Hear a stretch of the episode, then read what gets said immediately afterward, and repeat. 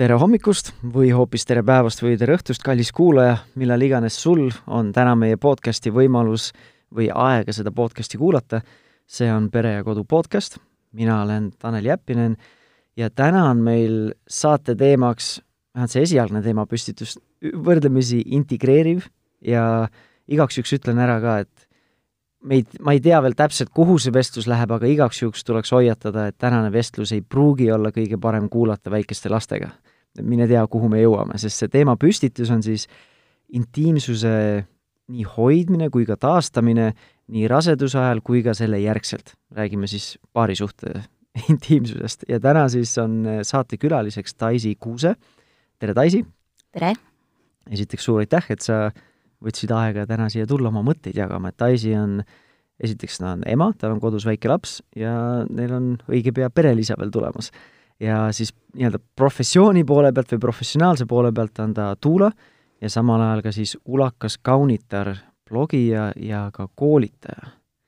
ulakas kaunitar, räägin hästi, hästi põgusalt sellest, mida see täpselt endast kujutab, see, et kui keegi ei ole kuulnud sellest varem.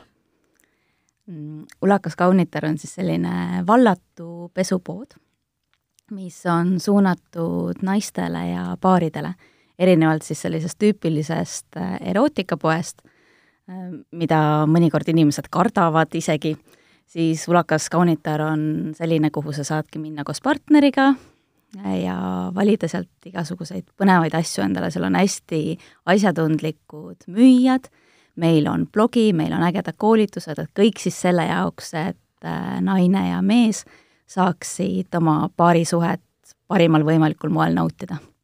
Mm okei okay., tundub põnev, me oleme naisega erootikapoes käinud, küll mitte teie omas, aga aga nii-öelda siis kus Tartus ja niisama, võib-olla isegi Tallinnas ka, natukene vürtsitamas oma siis äh, meeli ja võib-olla siis ka nii-öelda siis tööriistakasti magamistoas. aga teeme siis väikese reklaami ka, et kus te asute Tallinnas? Roosikrantsi tänaval. okei okay., nii, aga no jätkame sel teemal siis kohe, kui me juba siin oleme. mis siis sellised äh, kõige rohkem, kas äh, kõneainet pakkuvad teemad või küsimused on, millega paarid tulevad, või siis kõige integreerivamad või, või just need teemad, mis tegelikult on kuklas, kui sinna poodi tullakse, aga siis alguses võib-olla ei julgegi nagu avada, siis lõpuks nagu juba tükk aega oled seal käinud ringi, siis juba lõpuks nagu tuleb see teema üles, et mis need suuremad või tähtsamad teemad on, on sul endal mingi ülevaade või või selline suhtumine või arvamus? võiks öelda, et äh, väga tihti ei julgetagi kohe küsida, käiaksegi hästi pikalt poes ringi ja kui siis sa jõuad kuidagi vestluse käigus sellise ulas, usaldusliku suhteni, siis tuleb välja, et naised ikkagi ähm,, naistel on ikkagi see mure, et äh, kuidas lõpuni jõuda. ja nad on mures, et mida mehed arvavad, kui nad lõpuni ei jõua ja küsivadki siis nõu, et kas on mingisugust keeli, kreemi, mingisugust äh, mänguasja. ja muidugi teine teema on see, et kuidas siis mehele võimalikult hea naine olla voodis. et siis küsitakse hästi palju ka erinevaid meestetooteid. et see on täiesti nagu naiste rahuldusest kuni meeste rahulduseni välja mm. -hmm. tundub selle jutu põhjalt et need äh, naised on siis nagu aktiivsemad küsijad või käijad või et, et kuidas iseendaga paremini hakkama saada, kuidas ma mehega paremini hakkama saada ja siis mees on seal niisama kõrval, et no mida iganes tema tahab, et äh, võtame selle tugevad Eesti naised võtavad juhtimise enda kätte. Okei. Okay. tegelikult on mehi ka väga tublisid, kes käivad ja hästi palju mehed ostavad ka oma naistele mänguasju, ostavad oma naistele seksikat pesu ja mina alati äh, innustan, et tegelikult äh, selline ideaalne kohting on selline, kus äh, sa võiksidki tulla sinna erootikapoodi ja miks mitte naisele mingi kena pesukomplekt vaadata, mingi tore lauamäng õhtuks, et neid võimalusi on nii palju, et me ei räägi siis ainult rasedusajast või sünnitusjärgsest ajast, vaid ka üleüldiselt igas suhtes võiks olla selline mõnus kohting, kus sa käid ja valid ja uurid, mis seal turul üldse saada on, et tihti inimesed on hästi üllatunud, kui suur tegelikult see toodete valik on, et mida kõike siis leidub. jaa, no inim-, see on põhimõtteliselt nagu kujut-, nii, e, neid mänguasju või neid abivahendeid ja muid asju on ilmselt nii palju, kui meil on seda kujutlusvõimet või mm -hmm. kui kellelgi inimkonnal kollektiivselt seda kujutlusvõimet on, et iseasi, kui palju siis turgu nendel mänguasjadel on, on ju. Mhm. ilmselt võikski me selleks, sellest rääkima jääda, aga nüüd kui sa juba sellest hakkasid rääkima, et enamasti otsitakse siis abi või vahendeid, et kuidas, või üks, üks osa on see, et kuidas siis see naine nii-öelda lõpuni jõuaks, orgasmini jõuaks, siis esimene mõte mulle tuli kohe pähe, et ilmselt äh, seda vahendit nagu poest ei leia, et see on kahe kõrva vahel on see kõige suurem selline takistus, võib-olla ka siis see abivahend, on ju.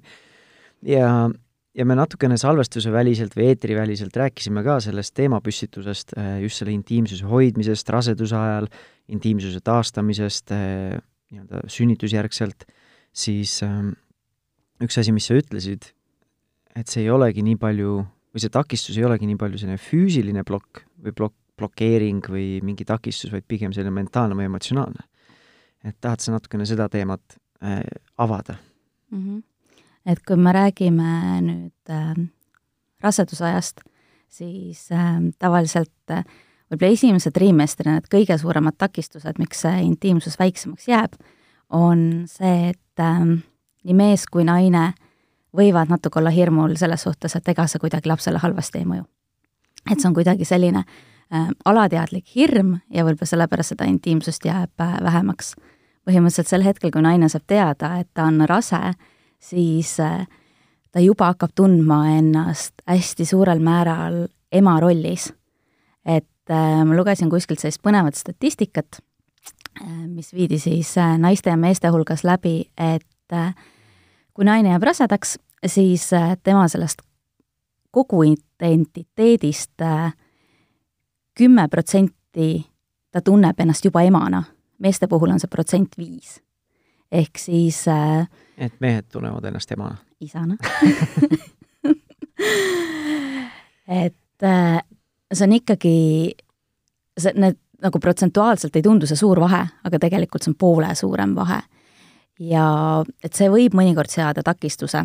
tavaliselt on tegelikult niimoodi, et äh, et kui me räägime jah, sellest emotsionaalsest poolest, et esiteks sa võib-olla kardad natukene beebile liiga teha, aga mis siis naise kehaga hakkab äh, toimuma? naise keha läheb suureks naine võib ennast tunda kohmetuna ähm, ja tal on sel ajal väga oluline, et mees teeks talle komplimente. mees märkaks endiselt, kui imeline ta on, et seda, et naine on suur, seda võiks võtta kui fantastilist äh, imet, sellepärast et naise keha avardub meeletult, tema süda avardub, tema keha avardub, et see uus hing üldse saaks siia ilma tulla ja seda peaks tegelikult nagu jumaldama, selles suhtes peaks äh, olema elevil, aga naised tunnevad ennast ebakindlalt ja kui siis mees ka ei ütle midagi või, või pigem ütlebki, et oh, sa oled nagu vaal juba et kuhu veel, et noh, siis see muudab äh, olukorra naise jaoks väga keeruliseks. Positiivse poole pealt on see, et tegelikult ähm, raseduse ajal naise sellised seksihormoonid tõusevad hoopis lakke et äh, mõnikord naised ütlevad, et ah, et ma ei tea, et mul ei olegi seksiisu. siis tegelikult tuleb mõelda, et hormonaalselt oled sa rohkem valmis kui kunagi varem.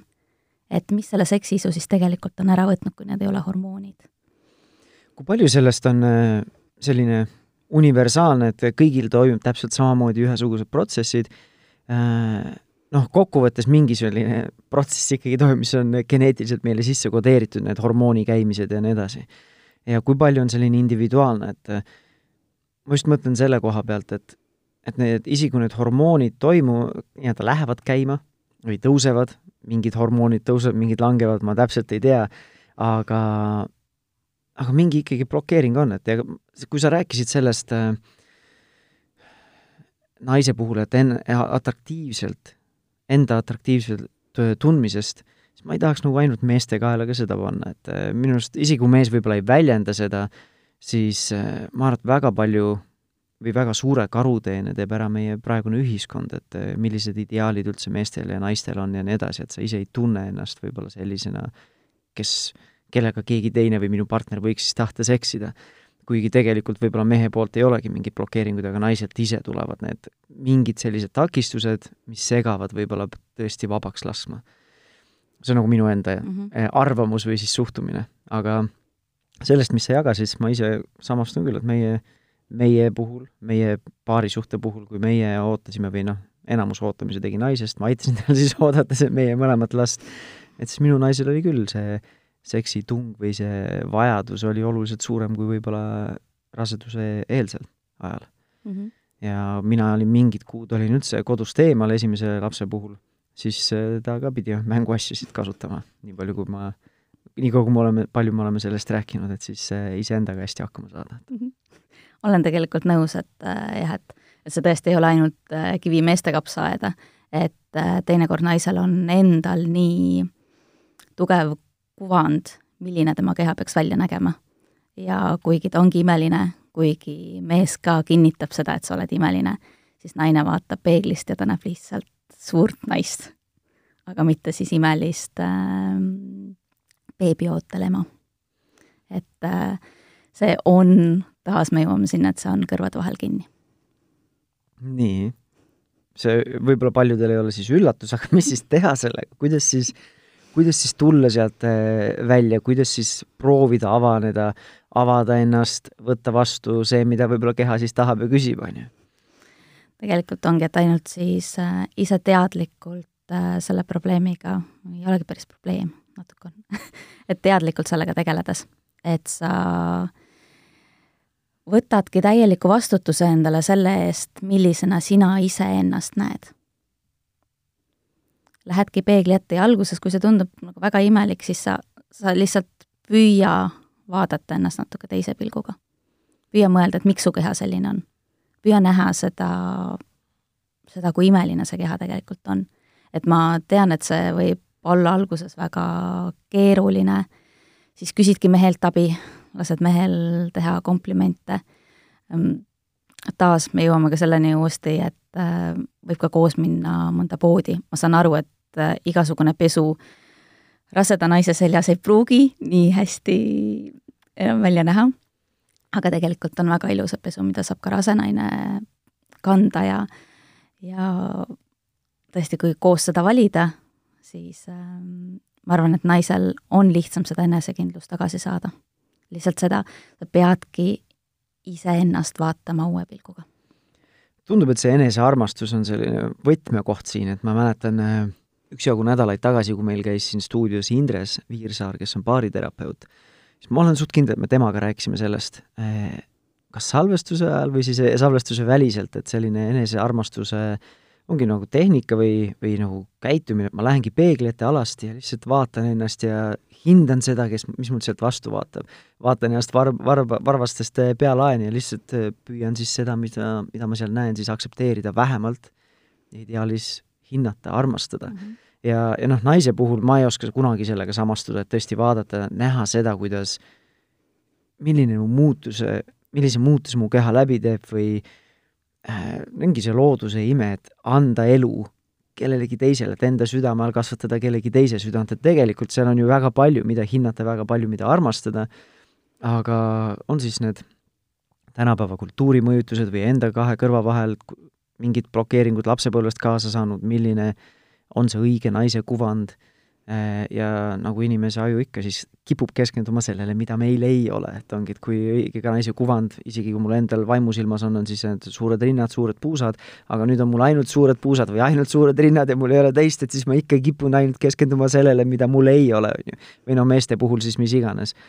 lai selg, suur selg, suured piitsepsid, mis iganes nendel on siis suured äh, pakud jalgadeks või mis iganes nendega ettekujutus on, on ju et isegi, kui meil mingid asjad on hästi, enda kuvandile klapivad, siis me ikkagi keskendume sellele, mis puudu on. kui võiks keskenduda sellele, mis, mis olemas on, on ju. teoorias jällegi väga lihtne mm, -hmm. aga eks see ole selline protsess. et äh, mõnel tuleb see asi lihtsamini välja, mõnel, mõnel natukene keerulisemalt. ja seda ilmselt ainult nagu seda enesearmastust ja aktsepteerimist kahjuks vist poest ei saa seda jah, poest ei saa, poest saab muid abivahendeid võtaks kaks kilo, seda enesearmastust mul natukene puudu, on ju.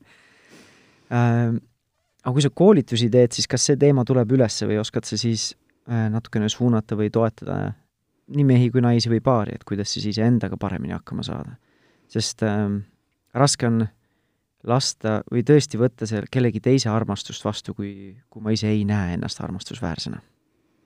Kuna minu koolitused keskenduvad ennekõike sellisele mm, füüsilisele poolele, siis äh, ma räägin emotsionaalsetest asjadest ka, aga tihti need teemad on nii sügaval peidus, et äh, nendeni sellise ühe koolituse raames ei ole võimalik pääseda.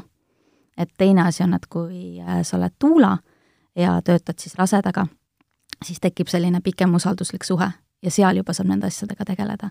aga sellisel mõnetunnisel lühikoolitusel tavaliselt me selleni ei jõua mm. -hmm nii, enne kui me lähme siis selle sünnitusjärgse teema juurde, on midagi olulist jäänud märkimata või midagi seda, midagi, mida sa tahad rõhutada veel sellest rasedusajast? et me rääkisime sellest, et hormonaalselt peaks naine just olema sellises positsioonis, kus tegelikult tahaks just äh, seksida äh,. On midagi veel olulist selle, selle, selles, ma ei tea, siis ajalises aknas või, või, perioodis mm? -hmm et äh, raseduse ajal kindlasti naine peaks äh, jälgima oma enesetunnet. mitte ainult siis seda, et mismoodi need hormoonid möllavad, aga tõepoolest, et kui vahekorra ajal on mingisugust valu, ebamugavust, siis sellega tuleb tegeleda, siis tuleb äh, küsida ikkagi nõu oma arstilt või ämmaemandalt. Ja on teatud ähm, seisundid, näiteks suurenenud oht verejooksudele, mille puhul tegelikult vahekord on välistatud ja siis see konkreetselt tähendabki, et ei ole mitte mingit vaginaalset vahekorda, aga õnneks on igasuguseid muid mooduseid kuidas siis omavahel seda lähedust jagada.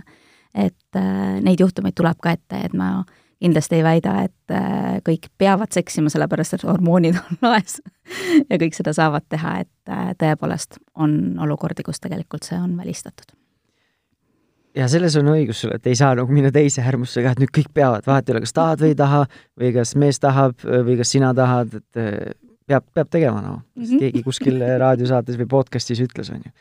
et see ongi ju selline, selline teema, millest tegelikult peaks saama rääkida täiesti ähm, nagu filtriteta oma partneriga, et leidma see, mis tegelikult meile mõlemale on okei okay.. et võib-olla mehel endal on ka äh, vaatab oma naist ja tegelikult ajab hullult pöördesse, aga võib-olla ongi, ma kardan, eh, kardan, et äkki ta ei naudi seda, äkki ta ei taha seda, äkki ta ise ei tunne ennast äh, atraktiivsena ja siis äh, ajab mingit konflikti või mis iganes need mõtted võivad mehel olla, on ju. Et äh, avatult või avatud kaartidega lihtsalt rääkida sellest, et äh, kuidas see protsess kummalegi tundub ja mis on meie kummagi soovid, vajadused ja miks mitte ka ihad ja vaadata, kuhu see siis, kuhu see siis jõuab. seda enam, et kui sul on veel selle esimene laps ka, siis naudi seda võimalust olla spontaanne et kui sul see, kui sul on veel võimalus olla spontaanne, et minge siis välja kohvikusse, tehke siis ongi mingi kohting äh,, mina ei tea, mine kas või teise linna või kodulinna, mine hotelli või tee midagi siis erilist, et äh, et tõsta seda tõenäosust, et me saame siis selle keskkonnavahetusega natukene siis võib-olla teistmoodi käituda ka. Avada ennast teineteisele või üksteisele, kui varem ei ole seda teinud või ei ole harjumust olnud seda teha? minu arvates on igasugused sellised äh, lühipuhkused suurepärane viis seda seksuaalelu uuesti mm, kõrgustesse tõsta. Just nimelt seesama keskkonnavahetus, sa oled teises kohas ja ja kõik on kuidagi hoopis palju lillelisem ja palju liblikaid lendab. no sa lähed ära ju kuskilt rutiinsest mm -hmm. keskkonnast, kus on sul kodumajapidamistööd siis on sul need to-do listid igasugused. ma ei mäleta, mingi aasta tagasi oli kuskil äh, sotsiaalmeedias jagati ka, see oli minu arust Taani mingi riiklik äh, selline nagu julgustus või reklaam, et äh, julgustas elanikke, et minge puhkusele soojale maale talvel. et siis on näidatud, et kuidagi uuritud, et need pere, et kui, et proportsionaalselt väga suur osa Taani lastest on siis eostatud puhkusel, soojamaa puhkusel. et siis äh, julgustaski, et minge kõik soojale maale puhkusele ja siis päästke see Taani iive ära, mingi niisugune reklaamikampaania oli. ja kui mõtlema hakata, siis mõtlen enda puh-, puhkustele oma naisega, sest seksuaalelu on peaaegu alati elavnenud puhkuse ajal, sest sul ei ole neid stressiallikaid. ja see päike ja see vaba graafik ja see kuidagi turgutab individuaalselt ka ja sul on rohkem ressursse, mida, mille, mida siis suunata oma partneri poole. nii vaimseid, emotsionaalseid, võib-olla ka siis füüsilisi mhm. ressursse, et saad lõpuks ennast välja puhata ja välja magada mm. -hmm. seoses selle väljapuhkamisega, siis praegu just tulin meelde, et Austraalia raseduskalendris on kirjas, et tegelikult raseduse ajal on soovitatav mehel ja naisel aeg-ajalt eraldi magada. ja just sel samal põhjusel, et sa saaksid ilusti välja puhata. ma mõtlen, et võib-olla see on, läheb ka natuke sinna puhkuse alla, et mees on teises toas, siis on juba natukene nagu eh, see rutiini lõhkumine ja siis ta tuleb tagasi ja siis vau. et eh, noh, kuidas kellelegi see sobib, aga et äh, Austraalias soovitatakse siis niimoodi kui sa nüüd selle välja tõid, siis siin võib olla väga suur selline lisastressi allikas naisele, et kui eriti nüüd, kui me lähme sellele järgmisele perioodile, kui nüüd see väike pamp või see beebi on nüüd kodus, on ju, ja siis ämmaemandad soovitavad, on vist kuus nädalat, on ju, et ei tohiks või ei peaks mm -hmm. nagu kuus kuni kaheksa. ja et see on see, kui siis füüsiline keha taastub ja siis on valmis uuesti seksima, on ju.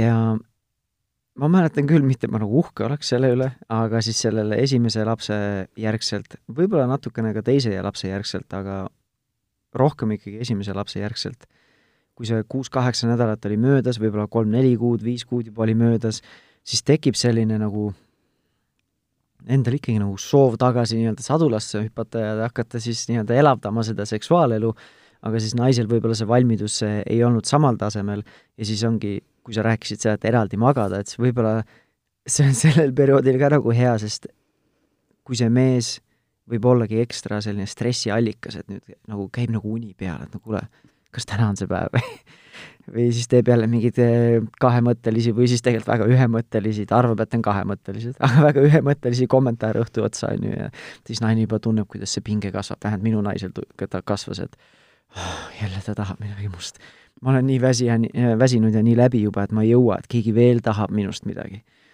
et kui siis see mees seal kaisutab ja hingab sulle kuklasse, nii-öelda naisele, ja siis nagu naine tunneb mingit kohustust juba, et siis see võib olla ekstra pingeallikas. et äh, võib-olla siis on ka vahepeal hea eraldi magada, et siis saab välja puhata, et ei ole seda koormat kuskil õlgadel. see on minu isikliku elu siis selline väikene mm -hmm. ränd või siis selline mõtisklus, aga kuidas sina seda, seda valdkonda või seda osa siis nüüd kommenteerid? et kui jah, me oleme nüüd kinni pidanud ilusti tublide lapsevanematena kuuest kuni kaheksast nädalast, siis võibki juhtuda, et äh, tekib selline natukene nagu kohmetus, et kuidas siis nüüd edasi, et justkui roheline tuli on antud, ähm, jättes isegi kõrvale selle, et kas me siis oleme mõlemad tegelikult ka valmis. Aga kui me ka oleme tegelikult valmis, siis kuidas selle asjaga minna edasi, et äh, ma võrdleksin täitsa seda jalgrattasõiduga. me õpime selle selgeks, me teame, kuidas seda teha, aga kui me ei ole pikalt jalgratta selga istunud, siis natukene nagu võtab jala värisema alguses et ma nõustun, aga kaks-kolm, kaks kuud nagu ei tohiks küll olla nii pikk aeg, et no ma olen varem enda suhtes ka olnud kuival pikemat aega, kui ma olen komandeeringutes olnud mingi kolm-neli kuud ja aga, aga ma nõustun sellega, et et hea seks tuleb nagu praktikaga mm. -hmm. et kui see on suur paus sisse jäänud, olgu siis samas suhtes või suhete vahel, siis nagu tunned ikkagi, oledki natuke roostes, oledki ebakindel ja ise ka ei tea tegelikult, mis enam meeldib ja ja veel vähem, mis siis partnerile meeldib ja eriti, kui veel suured muutused nagu lapse, noh, mehe seisukoha pealt, et partneris on väga suured muutused toimunud, et füüsiliselt ka ta võib-olla tunneb oma keha teistmoodi, et mis talle nüüd meeldib ja et see nagu ebakindlust on palju, kui see vahe on veninud pikema, pikemaks, on ju mm. -hmm. ja siis ikkagi ka füüsilise poole pealt, et äh, kindlasti paljud naised võivad tunda tupekuivust, mille puhul siis peaks valima kvaliteetse libesti ja aga kas see on siis nagu hormoonidest või minu enda küsimus, ma ei, ega ma ei tea, kas sa tead, on siis hormoonidest, on see mingist muust keha taastumisest või sest ja. äh, alguses ma mäletan ka meie nais, meie, minu naisel, meie suhtes, meil oli sama probleem alguses, aga seda ei, seda ei olnud väga kaua mm. -hmm. see on jah hormonaalne muutus. Et need seksihormoonid, mis siis raseduse ajal on seal laes, siis need tegelikult langevad rasedus äh, tasemele et äh, mõnikord naised ütlevad, et no siis kaob seksisud täiesti ära. no ega need hormoonid nüüd kuhugi ei kao, et nad on lihtsalt äh,, langust on tunda. aga jah, siis tegelikult selline kvaliteetne libesti on selline must have asi, et sul, sul peaks olema see kindlasti olemas, sa saaksid kasutada. ja mõnikord naised tunnevad ka lihtsalt selle all natukene sellist kuivust või kipitust või äh, sellist ebamugavust, et siis seda libestit võib ka lihtsalt niisama sinna määrida, et see ei tähenda, et peab kohe minema seksiks. ja mm, mul jäi sellest sinu jutust meelde, et äh, sa ütlesidki, et noh, et nii kui sa siis naise võtad kaisu, et siis kohe tundub, et minema asjaks et kindlasti see nii ei ole, aga jaa, me naisena võime tunda seda. tõepoolest, ma olen täiesti nõus, et nii kui mees paneb käe ümber, siis mõtled, nii, nüüd ta jälle tahab, nüüd praegu ongi jälle vaja. no eks seal tuleb mängu ka mitu asja, et üks asi on see mingi võib-olla generatsioone pidi edasi antud, võib-olla isegi verbaalselt mitte nagu väljendatud selline naise kohustus, see ongi naise kohustus nüüd meest rahuldada, on ju. ja teine asi siis äh, sama, see mehe käitumine, et äh, ma ise ka vahepeal oligi see, et vaatad ja tunned, et nagu pagan, noh et et äh, et see nagu nõuab nii palju pingutust, et seda naist uuesti nüüd ära moosida, siis vahepeal löödki juba käega ja siis te lihtsalt mingil määral nagu kalastad, vaatad, kas täna veab, et lihtsalt viskadki neid väikseid kommentaare sinna välja või nii-öelda küsimusi ja kuule, kas täna läheb asjaks või ei lähe ja nii edasi. aga noh, see ei ole väga kvaliteetne eelmäng ilmselt et lihtsalt mm -hmm. keegi, et küsib, et kuule, kas täna annad või ei anna, on ju. ja minu... see võib ka nagu survet peale panna, et ongi, et nagu muust mees ei mõtlegi kui vähemalt see on see, mis ma oma naiselt olen tagasi nüüd peegelduse saanud või sain siis, et et siis ongi sama, et kui nüüd kallistad ja juba suudled, et siis sellele peab midagi järgnema ja siis juba tahaks nagu, ei taha isegi kallistada ja suudelda, sest sa ei taha nagu lootust anda ja siis see võib-olla lükkab veel rohkem nii-öelda teineteist eemale, sest sul võt-, võt-, võtame ära ka need muud võimalused, kuidas seda intiimsust näidata. Äh, see on siis nii-öelda soovitus nooremale iseendale, et kui saaks tagasi minna, et mida siis teistmoodi teha, on ju, või mida mitte teha.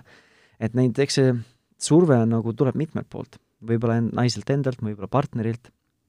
Ja jälle lihtne öelda, et lihtsalt rääkige, aga seda ka ei ole väga lihtne võib-olla teha, sest me oleme esimest korda sellises haavatavas kohas, kus isegi ei tea, mida tunned ja mõtled. Ja võib-olla ei ole ressurssi ka nendele asjadele mõelda, sest stress on laes, magamata oled, siis ühel on tööstress, teisel on kodune stress. Ja siis juba ongi see, et lihtsalt tõstame käed püsti, et ootame ära, kuna läheb paremaks, on ju. Mina nüüd teist last oodates olengi mõelnud, et äh, mis siis nagu esimesel korral oleks võinud teisiti teha. ja huvitav on see, et me alati keskendume, noh, kõik perekooliloengud ja kõik keskenduvad sellele, et äh, kuidas olla rase, kuidas sünnitada, aga siis sa saad lapse kätte, lähed temaga koju ja siis on sul pea laiali otsas, et aga mis siis nüüd? ja sellest, mis saab paari suhtest, ei räägita üldse mitte kuskil. Et äh, tegelikult sama oluline, kui valmistuda sünnituseks, on valmistuda selleks sünnitusjärgseks ajaks, et sa leiaksid tugi, tugigrupi, Äh, kes võimaldakski sul näiteks kord kuus mehega kohtumas käia, veel parem, kui seda on tihemini, äh, täpselt nii, nagu teie perele sobib. ja miks mitte ka mingisugune nimekiri lihtsalt külmkapi peale valmis kirjutada, kus on täpselt kirjas, et kuidas siis seda mm, sellist emotsionaalset sidet hoida, et üldine soovitus on selline iga päev vähemalt minut. Teinekord tundub seda minutit ka keeruline leida, aga sa võtad selle kas või teadlikult selle ühe minuti ja vaatad oma partnerile silma, hoiad tal kätt, äh, kui sa lähed kodust välja või tema läheb kodust välja, siis äh, kas suudlus või kallistus, sellised nagu hästi lihtsad asjad ja see võikski olla konkreetselt täpselt samasugune, nii nagu sa teed sünnitusplaani, teed sa siis selle sünnitusjärgse plaani. et sa kallistad, sa suudled, sa hoiad kätt, iga päev sa näiteks teed oma kallimale mingisuguse toreda asja, mis rõõmustab teda, olgu see kas või tass kohvi. aga et te mõlemad peate sellest kinni. see on täpselt selline, et sa teed selle plaani, et kui sa ei tee seda ja sa mõtled, ah, küll kõik laabub iseenesest, see ei pruugi laabuda. sa pead teadlikult selleks valmistuma. no tavaliselt on nii, et kui asjale tähelepanelikult või teadlikult ei keskendu, siis šansid on päris suured, et nii-öelda omasoodu need asjad ei lähe õiges suunas -hmm. või lähevadki seal lihtsalt sinna suunda, kus juhtub parasjagu, on ju ja kui sa rääkisid sellest äh, nii-öelda väikestest asjadest, siis need ongi olulised ja vahepeal on neid lihtne mitte tähtsaks pidada, see tundub nii mõttetult väike, mingi üks minut võtta, come on, no kuidas see minu suhet paremaks teeb? ma pole kolm kuud saanud seksi ja nüüd ma see, et hoian teda ja nüüd see teeb järsku paremaks ja nii edasi. aga halvemaks ta kindlasti ei tee, et kuskilt tuleb alustada ju mm. -hmm.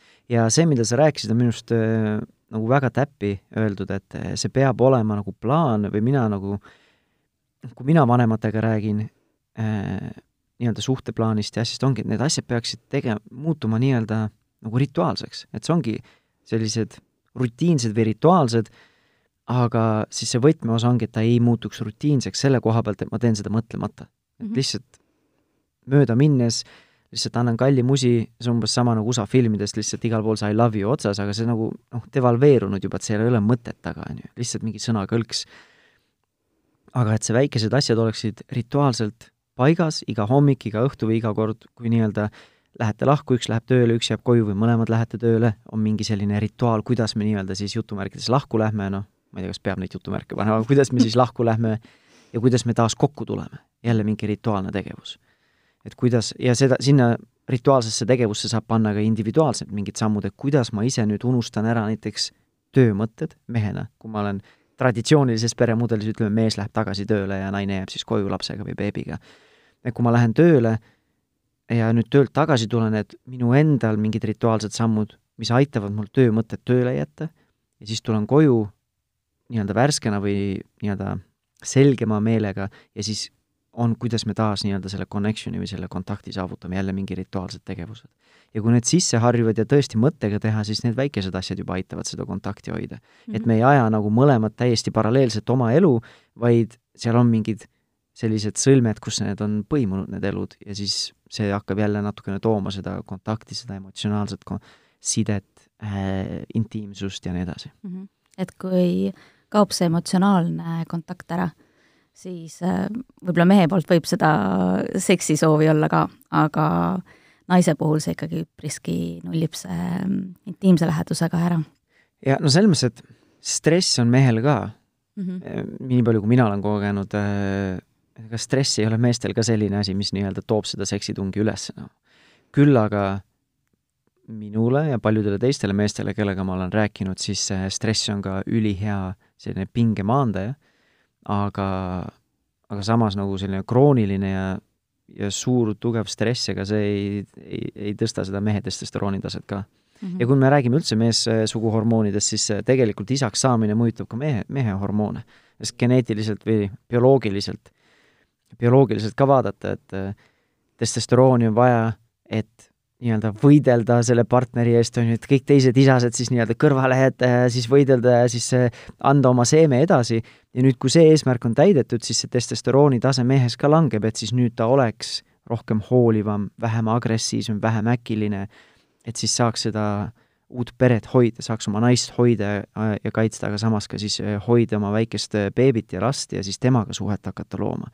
et siis samamoodi tegelikult mehel võib see, või langebki testosterooni tase äh, isa, isaks saades ja siis teine asi ongi, kui nüüd tuleb see stress veel läheb lakke, olgu siis kas äh, finantside pärast, tööstressi pärast, suhete pärast, mis iganes, siis see on samamoodi, mehele paneb ka väga palju pingeid peale, siis olemegi mõlemad seal, ühel on ping, ühel on mm. -hmm. pinged peal, teisel on pinged peal ja vahepeal ei suhtle, ei loo neid kohti ka, kuidas seda kontakti taastada ja võib-olla veel leevendada seda pinget, siis lõpuks ongi mingi see nagu pressure cooker, varsti kuskilt see gaas lendab pealt ära.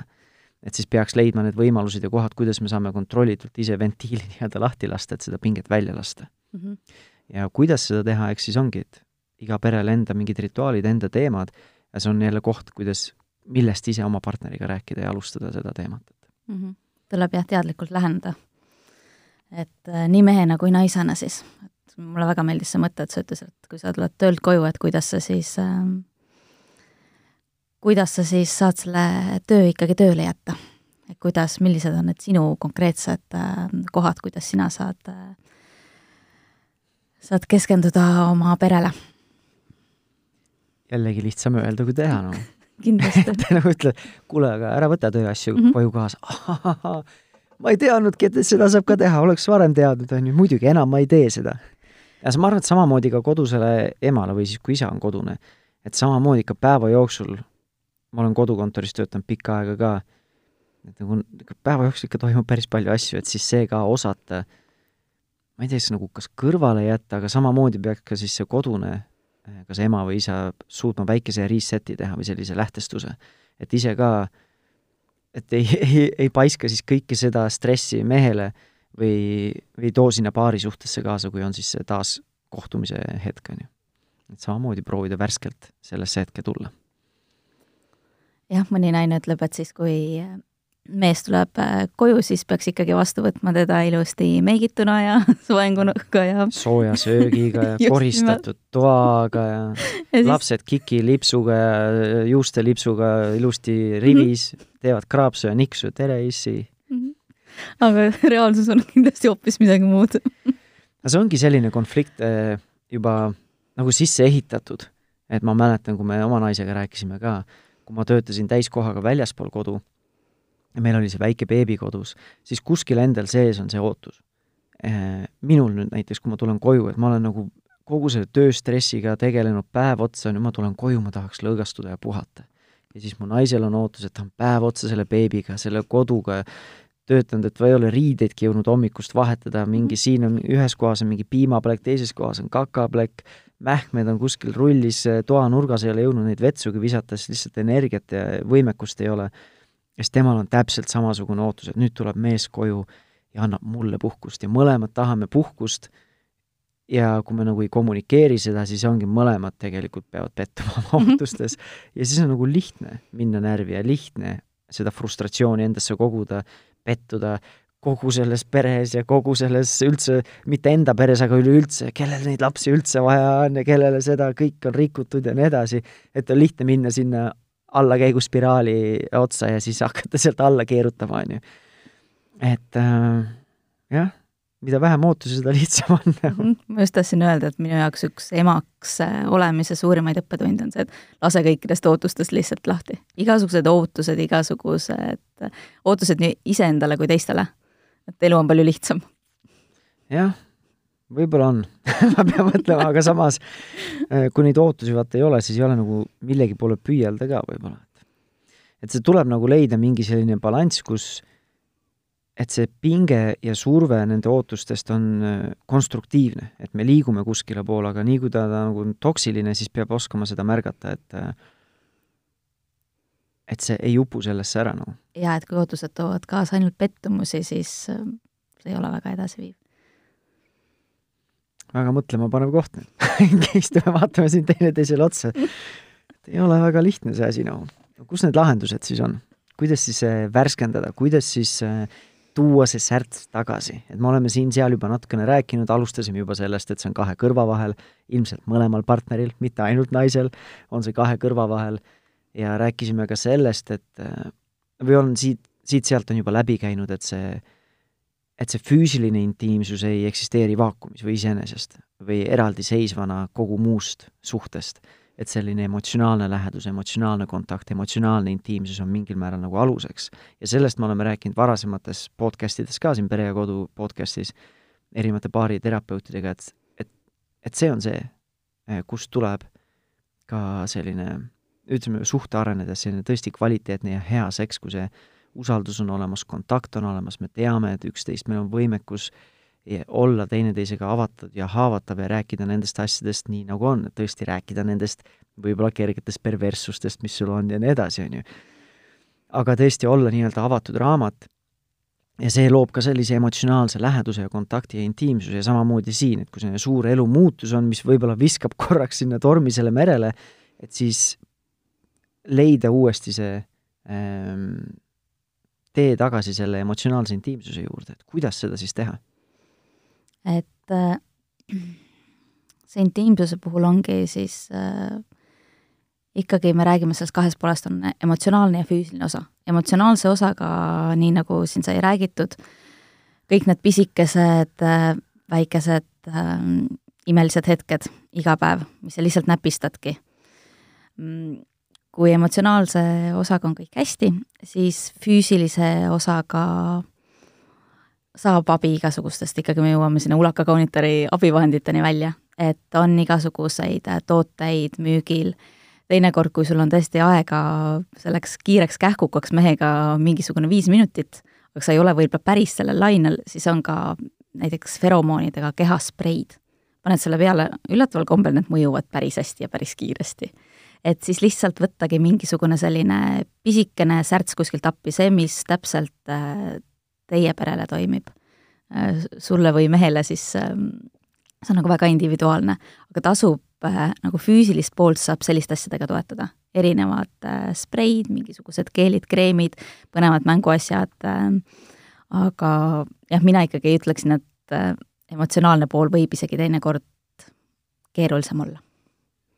nõus ja see ongi see, et ma võin osta neid abivahendeid, neid eh, spreisid ja asju mm, -hmm. aga kui ma ei suuda enda kahe kõrva pealt vahelt eh, seda stressi välja lülitada ja tulla siia hetke, vaadata oma partnerile silma ja mm -hmm. mitte millelegi muule mõelda, siis äh, ega need abivahendid väga palju vist ei aita. ei, ei, siis sa võid selle abivahendiga seal nurga taga ise oma, ise oma rõõmud vastu võtta või siis vaatad, mees tuleb mingi abivahendiga, võtad selle, paned talle sellega vastu pead, mine sinna tagasi, kust sa tulid, et mul ei ole seda vaja ja mul ei ole üldse midagi vaja, on ju. tõepoolest. et äh, ja selle emotsionaalse kontakti alustamisega, ma arvan, et see on see, millest me enne rääkisime ka, et väikesed rituaalid. et ma ei tea, kui minu suhtumine või minu seisukoht, mis ma ise olen kogenud ja kuulnud ja näinud, kui me oleme teiste paaridega rääkinud, siis see võib-olla ei anna sellele suhtele väga palju sügavust juurde, aga see on otse kui selline suhtehügieen. et ta hoiab mingil määral, mingil määral nagu vee peal seda pead, on ju, et ei upu ära sinna stressi, on ju. kui on need igapäevased väikesed asjad, kuidas teineteist märgata, kuidas teineteist tunnustada, teineteise jaoks kohale tulla siia hetke. olgu see siis üks minut, vaatame silma, kallistame, hingame sügavalt, hoiame teineteist kai-, kaisus, on ju, ja proovida mõelda mitte millelegi muule kui siis oma partnerile ja iseendale. Et ma tunnen, et need on pigem sellised nagu suhtehügieeni koha pealt head asjad, aga need ei anna võib-olla juurde sellist ekstra sügavust. aga kui me räägime sellest emotsionaalsest intiimsusest, siis ma arvan, et kõigepealt tuleks alustada iseendast, et iseenda stressiga tegeleda. sest kui sa oled ikka stressiga nii sõlme ennast tõmmanud, siis jah, see paarisuhe võib olla hea viis, kuidas seda stressi leevendada, aga kas see on nüüd õige ootus, et nüüd see lihtsalt see suhe või minu partner on siis see, kes peab kogu selle jama välja nii-öelda kaela saama, on ju. et ähm, õppima iseenda stressiga, kellel on siis kodune stress, kellel on siis äh, tööstress, kellel on siis äh, stress äh, nii-öelda kahtlused oma mehelikkuses, teine kahtleb oma naiselikkuses või mis need stressiallikad seal kõik võivad olla, et õppida sellega toime tulema kõigepealt. ja miks mitte, seda saab ka koos teha, saab ka koos hommikul võimelda või trenni teha või jalutamas käia, saab sellega juba mingeid stressihormoone leevendada, mida on näidatud ka, et lihtsalt võrdlemisi selline tempokas jalutuskäik kas või siis koos käruga õhtuti või hommikuti, siis see juba aitab nii-öelda neid stressihormoone maandada. et äh, samamoodi nagu see paarisuhte mingid rituaalid on, siis samamoodi võiks olla iseendale isiklikud rituaalid, mis aitavad seda stressi maandada. ja see annab mulle endale võimekuse ja annab mulle rohkem ressursse tulla kohale oma paarisuhte ja, jaoks, oma partneri jaoks. ja siis saame vaadata, mida me saame teha. kas siis teeme siis äh, igaõhtuse või iga äh, iganädalase väikese date night'i või pikniku kas või seal elutoa vaiba peal, on ju, kui laps magab, on ju, need kaks-kolm tundi kuskil, võib-olla on antud, saada oma need kolm-neli tundi, ja võib-olla peab tegema kompromissi, et selle asemel, et magama minna, siis leida see aeg partneri jaoks. selle asemel, et lihtsalt minna magama, et siis üks kord nädalas või üks kord kuus, mis iganes teie pere jaoks on õige, et siis võtta see aeg. ma mäletan, kui me olime nüüd oma matkaautoga Hispaanias näiteks talvel mm -hmm. ja siis me jätkasime oma baariteraapiaga Skype'i lähe, lähe, äh, vahendusel ja seal oli samamoodi, et naine oli päevast nii väsinud, et kui me panime lapsed magama, siis tema sagedasti jäi lastega magama. ja nii mõnigi kord, kui me olime ennem rääkinud, et nüüd täna võiks võtta aega kahekesi, vaadata kas mingit stand-up'i või teha mingi väike snäkilaud ja rääkida või kuulata audioraamatut koos ja arutleda elu üle, paarisuhte üle, teemade üle siis nii mõnigi kord naine oli nii väsinud, et ta lihtsalt nii-öelda lasi mu üle ja siis seal paari suht-, baariterapeut ütles ka, et need on need ajad, et kui kokkulepped on, et isegi kui sa oled väsinud, siis noh, tuleb teha neid asju. sest kui ei võta neid, seda aega ja seda energiat, siis iseenesest seda ei tule, noh. et see on seesama, millest ennem rääkisime, et et kui laseme asjadel minna, siis noh, siis me ei tea, kuhu suunda need asjad lähevad, võib-olla lähevad sinna suunda, advokaadibüroo suunda võib-olla on ju pika, pikas perspektiivis on ju, et ei tea, kuhu need lähevad, et siis ikkagi hoida ikkagi mingil määral seda, mina ei tea, juhtohjasid enda käes mm -hmm. ja mhm. teha neid teadlikke valikuid no, nõustun sinuga on sul endal mingeid mõtteid, et kuidas siis, kuidas seda intiimsust siis eh, veel tuua, et eh, vaatame, hakkame juba otsi kokku tõmbama, aga on sul endal mingeid mõtteid või nippe, mis teie elus on toimunud, toiminud või sa oled kuulnud toimivat, et kuidas siis seda emotsionaalset lähedust taastada, mis on nagu vundamendiks või aluseks sellele füüsilisele intiimsusele, millest me oleme ka rääkinud täna? praegu mõtlen, et me tegelikult äh, ühte asja ka natukene puudutasime, aga mitte väga süvitsi. et äh, me rääkisime ka sellest, et kuidas siis aega võtta ja mis ma omast kogemusest võin öelda, et ma tegelikult ähm, taas tagantjärele tark olles mõtlen sellele, et äh, ma oleks pidanud rohkem abi küsima. et kui ongi, et mees tuleb õhtul koju, ta on väsinud, et tema ootab seda, et äh, et nüüd tema saab puhata ja mina naisena, kes ma olen terve päeva ohjes olnud, mõtlen, et nüüd, nüüd on see hetk, kus mina saan puhata, siis tegelikult äh, sellise tugeva Eesti naisena peaksid naised rohkem õppima ka abi küsima et sa küsidki oma tugigrupilt abi, et selleks hetkeks, kui see mees tuleb, et sul ongi rohkem energiat et sa saaksid ka talle pühenduda, et te saaksite sellisele koosolemisele pühenduda, sa saaksid seda, nii nagu sa ütlesid, sa saaksid ähm, ka iseenda vajadustega tegeleda, oma väikeseid rituaale teha ja mehega koos neid rituaale teha. et kui sul see väsimus on väga suur, siis sa ei jaksa tegelikult mitte midagi teha. et see on jah, see oluline punkt, mis mul veel siin meenus et.... see mm -hmm. kiiresti vahele segades, et see abi küsimine on, ma arvan, et kõigile oluline, mehele kui ka naisele mm, -hmm. ja abi küsimine nii partnerilt ja nagu sa ütlesid, ka sellest tugi, tugigrupilt. ja see tugigrupilt, eriti oma ämmadelt, äiedelt, vanematelt võib tulla see, et aa, mis asja, mina sain hakkama, kuidas siis sina ei saanud hakkama ja nii edasi. inimese mälu on väga selektiivne, et me nagu ei mäleta tegelikult, kui keerulised asjad on, loomulikult me saame hakkama, me saaksime, me saaksime ka hakkama, aga kas me tahame ainult hakkama saada või tahame tõesti, et see suhe nagu õitseks, on ju, või ise nagu tunned ennast suurepäraselt et äh, istudagi maha selle tugigrupiga ja rääkida oma ootused ja mhm. vaadata, kui palju keegi saab kuskilt vastu tulla. ja sellegi võib panna graafikusse, näed, iga nädal neljapäeval on nüüd ämma kord last vaadata või jalutada ja mõnikord, eriti kui beebi on väike, seda ei pruugigi olla, et ta tuleb sul kaheks päevaks, kui väike beebi on. aga võib-olla see, et ma lähen oma naisega kohvikusse ja tema linnas jalutab samal ajal kaks tundi selle beebiga käruga mm. -hmm.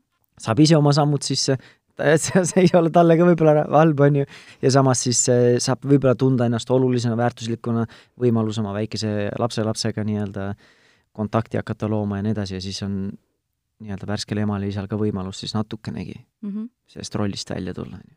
ja kui sa oled siis äh, saanud abi, sa ei ole enam nii väsinud, see, saad eemale sellest kõigest kas või ma ei tea, tunniks ajaks, siis äh, kui mina õppisin seda abi küsima, ja ma tean, et nüüd äh, ma olen kindlasti võtnud plaani, et uue lapsega ma küsin seda abi veel rohkem, siis äh, mis mind tegelikult aitas, oli see, kui ma aeg-ajalt lihtsalt peatusin, hingasin sügavalt sisse, eriti siis, kui ma olin mehe peale eriti vihane ja mõtlesin, et aga mille pärast ma omal ajal sellesse mehesse armusin. miks ma temaga abiellusin, miks ma tema oma lapse isaks valisin et kui ma meenutasin neid toredaid liblikaid ja kuidas me ei suutnud teineteiseta viis minutitki olla, ja nüüd siis ma olen teises toas ja ma ossitan sellepärast, et ma ei tea, ta ei vahetanud mähet või midagi, siis on nagu, tundub nii äh, imelik või noh, nii suured käärid on seal vahel. et kui sa meenutad äh, oma mehe või naise siis häid külgi, et see võib ka teinekord aidata hästi palju. teinekord tuleb kasuks, kui seda siis verbaalselt kommunikeerida ka, et mida sa hindad teises pooles.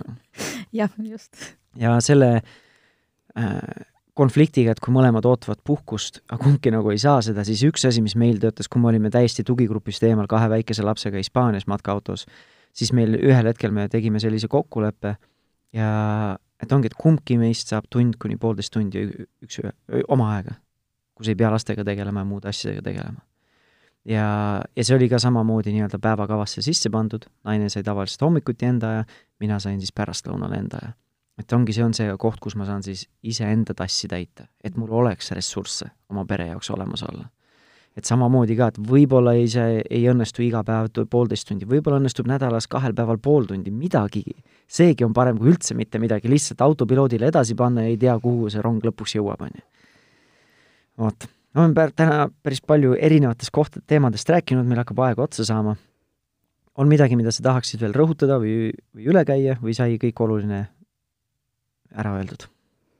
no tegelikult tundub, et me jõudsime tõesti siit-sealt igalt poolt natukene krahmata seda teemat, aga mis siis need põhipunktid ma välja tooksin, on tõesti see, et äh, omavahel tuleb rääkida, äh, pärast sünnitust äh, tuleb abi küsida tuleb äh, hoolitseda nii emotsionaalse poole eest kui ka füüsilise poole eest.